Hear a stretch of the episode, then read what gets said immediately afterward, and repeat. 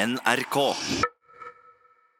Da tyskerne trakk seg ut fra Karasjok på slutten av andre verdenskrig, brente de ned alle byggene, bortsett fra kirka.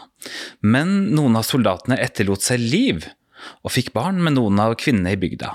Hvordan har det vært for barna å vokse opp i en bygd med samisk mor og tysk far? I dag har jeg med meg Magnhild Utsi og Hjalmar Strømmeng. Velkommen til Tett på. Ja. Ja, takk. Magnhild, du, du har fått litt taleproblemer de siste årene, så derfor Ja. har du med dattera di Eirin, som kan hjelpe deg hvis, Ja. hvis du har bruk for det. Det, det, det er bruk for det. Ja, det er bruk for det. Ja. Ja. Jeg må spørre dere, hva vet dere om uh, møtene mellom deres foreldre? ja. Det er ikke bra. Ikke bra, nei.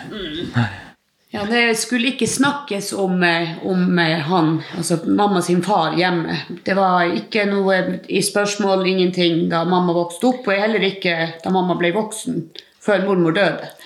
Ja. Alle bilder av han ble, var visst brent, så mamma fikk aldri sett bilder av han heller. Det er klart det var så fordomsfullt like etter krigen, så det ble jo ikke snakka noe om det. Men eh, vi greide jo å lokalisere hvor han bodde, den her tyskeren som, som forårsaka meg. Så um, alle visste jo vel mer eller mindre om det der, så. Men um, det ble jo ikke snakka noe om.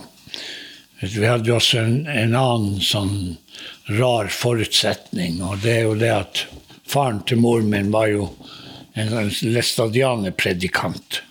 Og blant predikanter så mm, er det jo ikke så veldig populært at deres døtre fornedrer seg så til de grader og holder på med fienden. Så det ble aldri sagt noe før lenge, lenge etter. Ikke at moren min har fortalt, men jeg prøver å samle litt sånn historier fra den tida. Ikke nødvendigvis om far, men hvilke funksjoner de forskjellige avdelinger i militæret eller tyskerne hadde her oppe. Og da finner jeg ut hva han gjorde, og hvor han var. Ellers vet jeg det at han var veldig sånn der opptatt av å fiske i elva.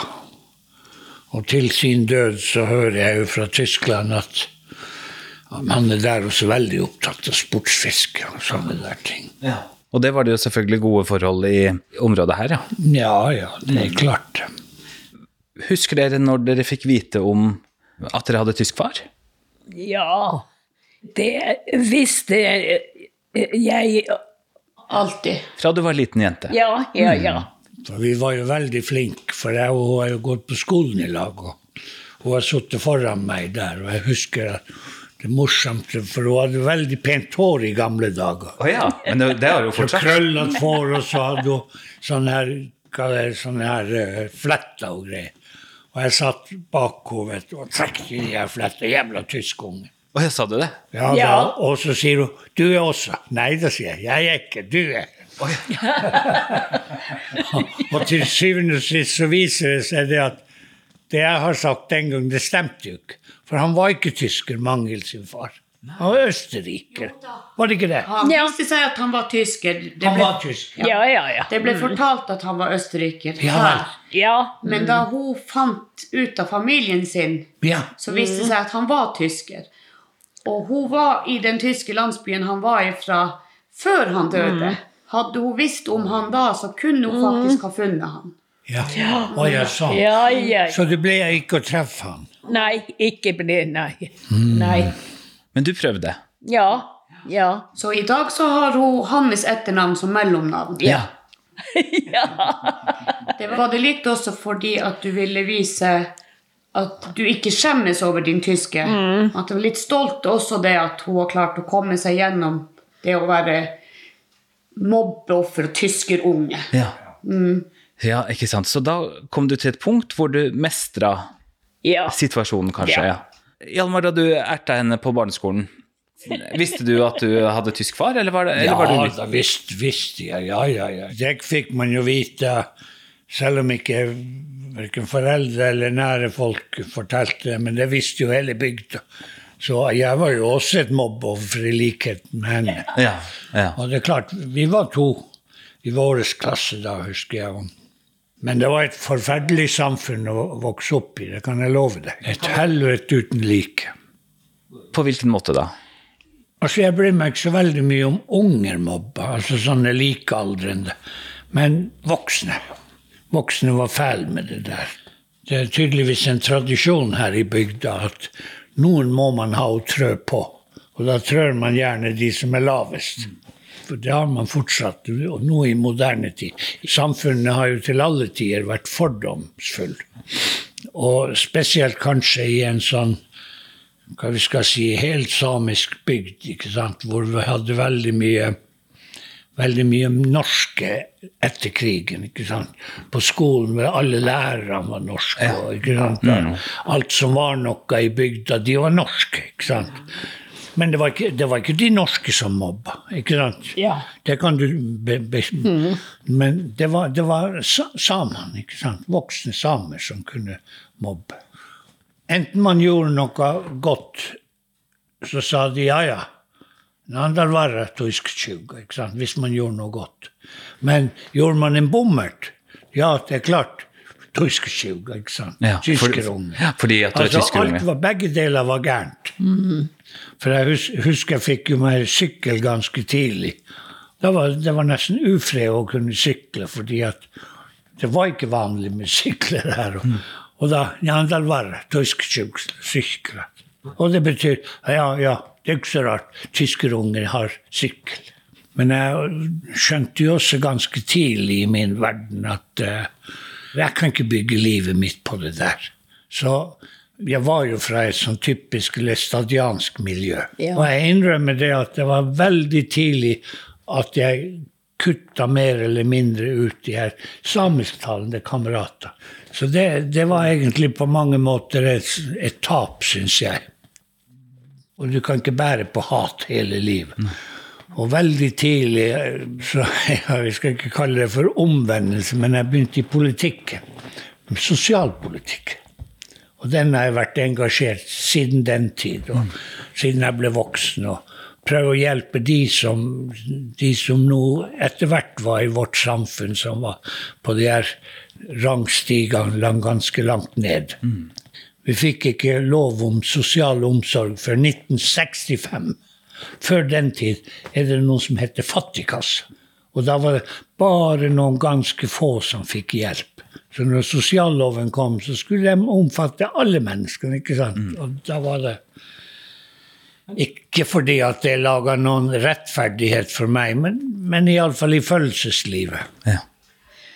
Hun opplevde det verst hjemme eh, blant sin egen mor. Så så det var der hun opplevde det verst når hun vokste opp. Det var i sitt eget hjem. Mor hennes var gift, Ja. Ja. med, og mannen var på Vensmoen pga. tuberkulose. Ja. Og der hadde han vært siden 1942. Han, Ja. Og han kom ikke hjem før i 1946. Men han døde umiddelbart etter. Ja. Og da kan du se det mellom 1942 og 46, så har ikke han vært hjemme. Sant? Og da kan hun umulig være hans unge. ja. Hun ble skrevet inn i kirkeboka som hans datter fordi at mormor var gift. For Det, men det skal også sies at den familien hans er veldig obs på det at eh, vi er slekta deres. De er veldig obs på det at mamma er kusina deres. De er veldig bevisst på det at vi er i slekt. Selv om mamma, vi ikke har blodslekt, men vi er veldig omfavna. Vi er inkludert. Så, så flott. Ja. Ja, ja, ja. Jeg tror vi mobber Manghel fordi at eh, Nå er ikke så veldig personlig, men hun var veldig pen da hun var ung. Ja. Ja. Ja, nei, men det er sant, med krøllete hår, og det var Ja. uvant. ikke sant? Ja. Her oppe, de her lorfene våre, de Ja. hang nå de striene sånn. Mangel kom, vet du, elegant og, og Ja. veldig pen. Så i bygda oss blant de her konkurrentene dine, de andre Ja, ja, ja, jentene. ja. Det var eneste måten de greide å ta henne på, Ja. det var å kalle henne for tysker. Mm. Og jeg syns det er viktig å ta det med seg. Kongen, kongen var her i 1959 med, på besøk her oppe, og, og du var med i hva er det ja fiolin... Strykeorkester. Strykeorkester, ja. Og, da, og da spilte du for kongen. Ja. Ja, det måtte Ja, ja, ja. Jeg tenker på ett bygg som står igjen etter krigen. kirka. Og så skal man bygge opp et samfunn. Det må ha vært en veldig krevende jobb for, for alle sånn sett, da. Ja. Ja, det kan du godt si, men Karasjok var jo, hadde jo én fordel fremfor veldig mange andre bygder i Finnmark når det gjelder gjenoppbygging. Og det var det at i Karasjok har vi furutrær. Og det har de ikke i Kautokeino, og det har de heller ikke nede i Tana. Ok, deler av Tana har det. Og dermed så det som vokste fram, var, var skog som inntektskilde. Og det ble hurtig oppbygging. Folk på Nessan de stilte opp. De saga tømmer til seg sjøl og til naboen og til naboen. Og, ikke sant? og dermed så fikk man husene bygd opp på et blunk. Nettopp. Og for dere òg, skjønner jeg da. Ja, det kan du godt si, men, men det er en annen kapittel igjen. Fordi at min mors uh, onkel, han var ordfører i bygda like etter krigen og mange år framover da. Og, alle fikk bygd seg hus etter, etter krig. Krigserstatningshus. ikke sant? Utenom min mor. Hun fikk ikke. Og hver gang hun oppsøkte ordføreren, så sier ordføreren du får ikke noe hus, du. Du vet jo hva du har gjort. Til sin egen niese. Til sin egen niese. Det gikk helt opp til 1958. Og da kom Meløy som ordfører. Og Meløy var skolesjef den gang her oppe. Og, og mor min vaska på skolen. Derigjennom forteller hun til meg at dagen etter at han ble ordfører, så kontakter hun mor mi og skal komme ned på kontoret en tur. Jaha, hva det var nå? Jo, han har sett på de dokumentene som ligger hos ordføreren. Helt nederst i den bunken ligger du. Men nå skal jeg hente den opp. Nå må du starte å bygge hus. 13 år etter? Det var 1958, ja. Helt vanvittig. Og derfor sier jeg en ting er nå det at du spør om vi ble mobba. Men en foreldrene våre, en mor hennes og mor min, de gikk igjennom et helvete uten like i denne bygda her. Og de var rakka ned på Og det er greit, jeg aksepterer det at de får en status som er lavere enn alle andre. Men, men det gikk utover deres medvirkning i samfunn. Før krigen så jobba hun på et tuberkulosehjem som var i Karasjok. Det som var gamle sykestue og gamlehjem. Hun jobba der, men etter krigen fikk hun ikke jobb der. Nei. Gikk de arbeidsledig begge to? Nei, ja. Jeg vet ikke om mor di var noen gang i eh, Ja. i- yrkesarbeid. i- Nei, Hun var ikke ikke, hun var hjemme. Ja, ja, ja.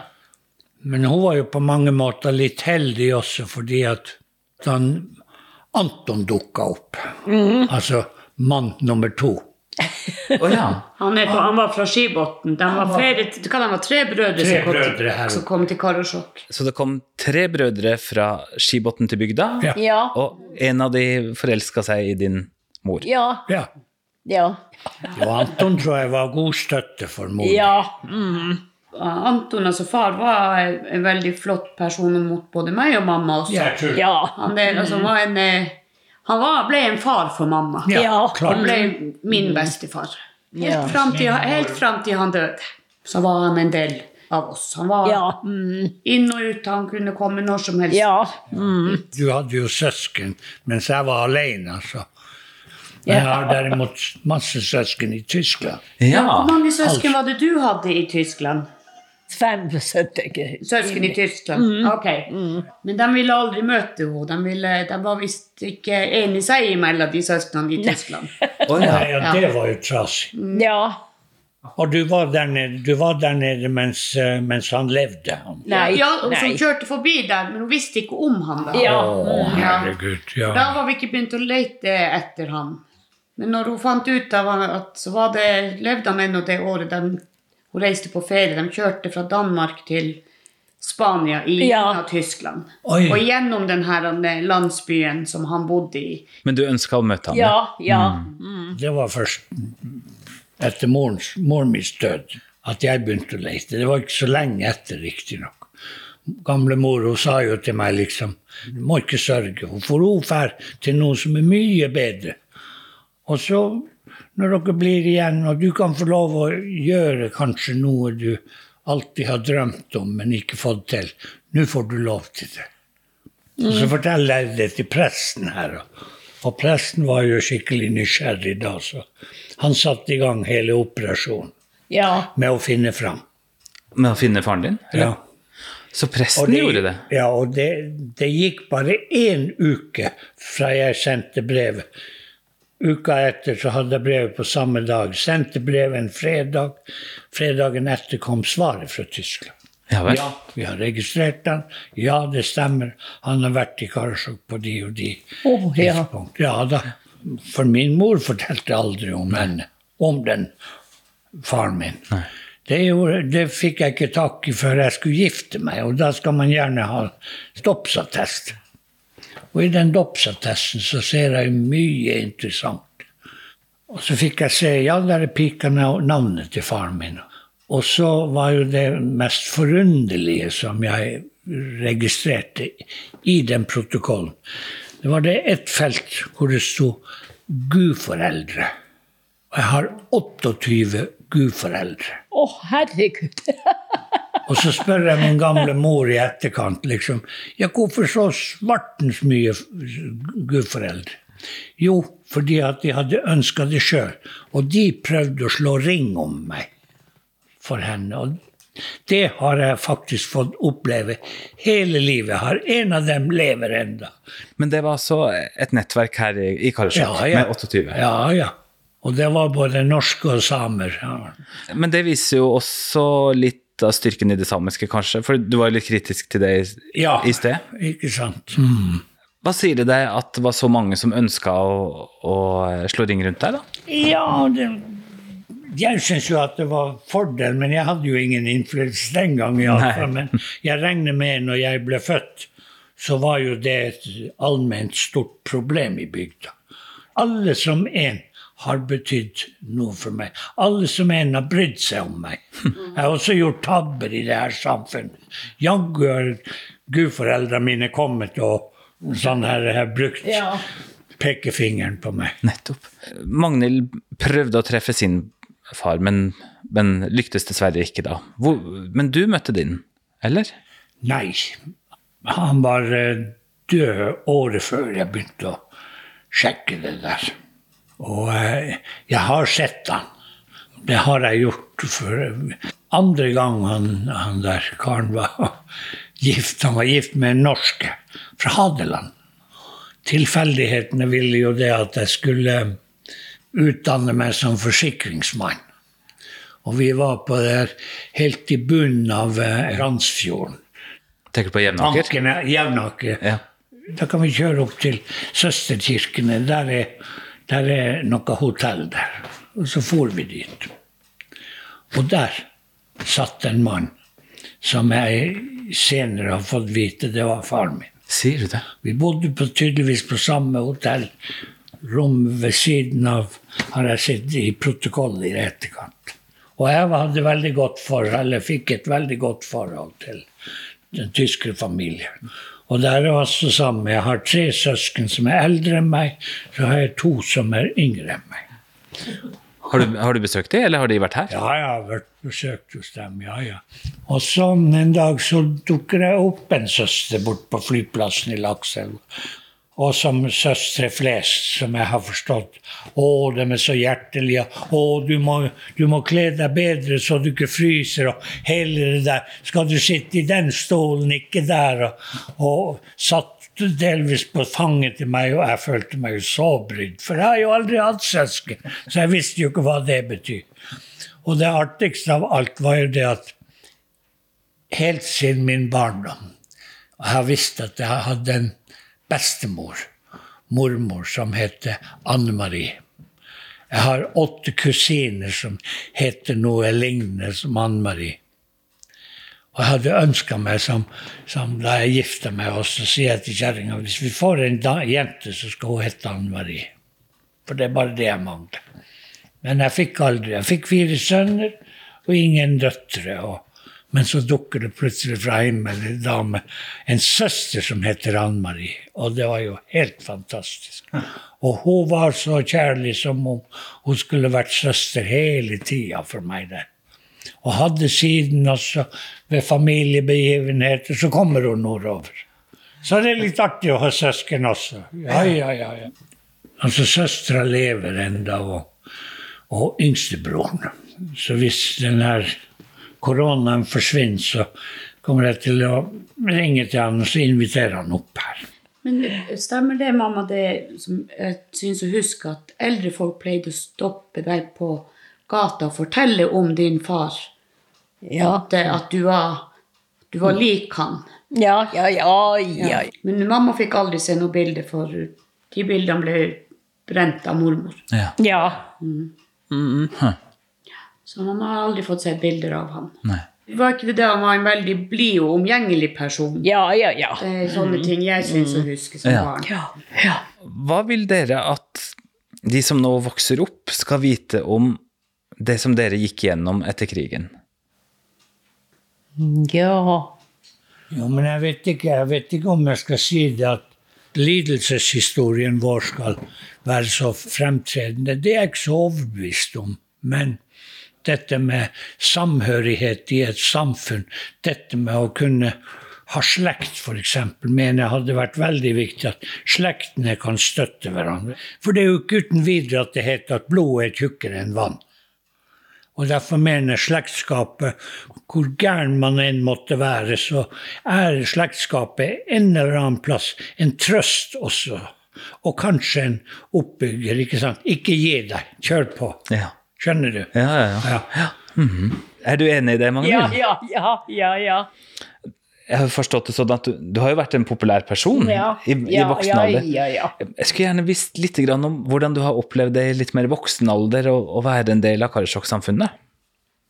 Det har Ja. vært både og det, kan jeg tenke meg. For det å være et menneske som Som du sjøl sa, da, liksom populær. Det var både og. Det kunne være mye folk rundt henne som var glad i henne og likte henne, men så var det de som var stikk motsatt, som, vi, som ble lagd mye rykter og ondskapsfull Ja. prat i bygda, som eh, hun har lidd av, men som jeg også, som barn av henne, eller dattera hennes, har fått kjenne på. Hvordan har du kjent det, da? Eh, Ja. Ja, jeg har blitt eh, kalt ting fordi jeg er dattera hennes, og hun som hun har blitt kalt. Men eh, det jeg vil ta med som jeg syns er en styrke med det hele, det er det at vi har stått oppreist. Folk har ikke klart å knekke oss. Og vi har også klart å se hvem som betyr noe når det har røyna på som verst. Vi trenger ikke mye folk rundt oss, men det vi trenger, det er folk med kvalitet. Ja. Det er det, og det er det jeg syns har, har kommet Som jeg har lært av henne, fordi hun har ikke hatt det bare enkelt. Nei. Og eh, hun har alltid vært sterk. Hun har hatt sine dager hvor det ikke har vært like enkelt, men hun har eh, stått støtt. Og ingen har klart å knekke henne. Nei. Det er det jeg tror som kommer ut av hele den oppveksten hennes. Jeg har vel et eksempel hvor jeg var innblanda i det der. Mange søker på en stilling her borte. Og jeg satt tilfeldigvis i det styret. Og så var mange søkere, ja, det var det. Og mange var vel også uten arbeid. Og, hun hadde tipsa meg at hun har søkt, og derfor så jeg ja, hun er der. Styret satt der og hadde noen argumentasjon som jeg mener tilhører ikke et sivilisert samfunn. Altså Man var fortsatt opptatt av hva hun måtte gjøre i fritiden. At hun var populær i bygda. Det var spesielt blant menn. Mannfolk. Hun har vært glad i mannfolk hele tiden, altså som venner. Ja, ja. Og hun er åpen, åpen person. og Hadde det ikke vært for at hun var syk nå, så hadde ikke vi kommet til ordet. Bare for å begynne i denne. Ja. Og da husker jeg det at jeg ble så forbanna på det styret der. Jeg måtte si det at ja, så, dere har med andre ord pløyd over mangel. Er det sånn å forstå? Siden dere vet så helgolands godt hvordan hun er. Ja, nei, det hadde de. Ja, men jeg skjønner ikke hvorfor dere bruker eh, sånne argumenter. Og jeg mener, nå skal Angel ansettes. Hvis dere protesterer, så krever jeg en protokolltilførsel. For argumentet for å ikke gi henne stilling har dere ikke. Altså såkalt bygdekladd. Og, så hun fikk jobben? klart hun fikk jobben. Og, og, og heldigvis for meg, hun fungerte så godt i den jobben at da hun slutta, Ja. så var det Du må ikke slutte, kan ikke du bare ta halv stilling? Ja, ja. Kan ikke du gjøre sånn? Og hvor er Magnhild blitt, da? Hun er ikke her og hjelper oss med det eller det. Ja. Nei, nei, sånn, sånn er verden. Så bare for å illustrere, og jeg syns Ja. det er viktig, men hun har stått på. Men det er det jeg vil fram til. Det er det som kommer ut av det her, her med det hun har opplevd som Ja. tyskerunge. Hvor sterkt hun har vært, og hvor stolt hun har stått. Til tross for at folk har prøvd å tråkke på henne og knekke henne, så har hun fortsatt med pågangsmot og godt humør. Ja. Det er noe hun alltid har vært kjent for. Det er humøret hennes. Og det har hun ennå ikke mista. Nei, riktig. Ja. Kan du si litt mer om, om hva slags støtte dere har merka sånn sett? Det er jo eh, forskjellige ting vi har vært igjennom opp igjennom årene, sånn som annet eh, min eldste bror tok livet av seg i 85. Og det var et tøft slag for både meg og mamma. Og da opplevde vi at det kom folk som jeg ikke hadde trodd skulle komme, som var de første som kom hjem til oss og sa til mamma det at nå setter du deg ned, og du sørger. Jeg tar meg av kaffekoking, matlaging, rydding. Eh, Hun var hver dag hjemme hos oss. Det kom folk som eh, jeg aldri hadde forventa skulle komme. Og det har jeg opplevd også når hun fikk det her andre slaget. Folk som hun har jobba i lag med for masse herrens år siden, de har vært de flinkeste til å komme hit. Så, eh, så det fins mye flott støtte i bygda her, hvis man bare tar imot. Kan man slå en strek over det vonde som de her to har gått gjennom? Ja, slå en strek kan man vel kanskje på et vis, men man må ikke glemme. Man må ha det med som en lærdom hele tida, fordi at det ikke skal gjenta seg. Det syns jeg. Det her er en del av historien som man aldri må glemme, tenker jeg. Jeg syns det er mye interessant man har hørt, og det er mye sånn her han eh, Man kan sette en strek, men man må ikke glemme. Man må aldri glemme, tenker jeg. For det er en del av historien vår. Jeg tror man skal em, På den ene sida så skal man lære å tilgi. Men det er kjempevanskelig, det. For det må, det må du gjøre med et oppriktig hjerte. For munnen vil jo gjerne tilgi, men det er, det er ikke det som gjelder. Men eh, da vil jeg komme med et tips om litt yngre generasjon. Ja. Du tilgir ikke dem for at de skal ha det bra. Du skal tilgi for din egen del, at du skal ha fred. Ja, det er det jeg mener. Ja. Det er det jeg mener. Derfor sier jeg hjerte. Ja, hjerte. Magnhild og Eirin Utsi og Hjalmar Strømeng, tusen takk for at dere var med i Tett på. ja. Jeg heter Svein Lian. Tett på fra NRK Sápmi er produsert av 1 til 1 Media.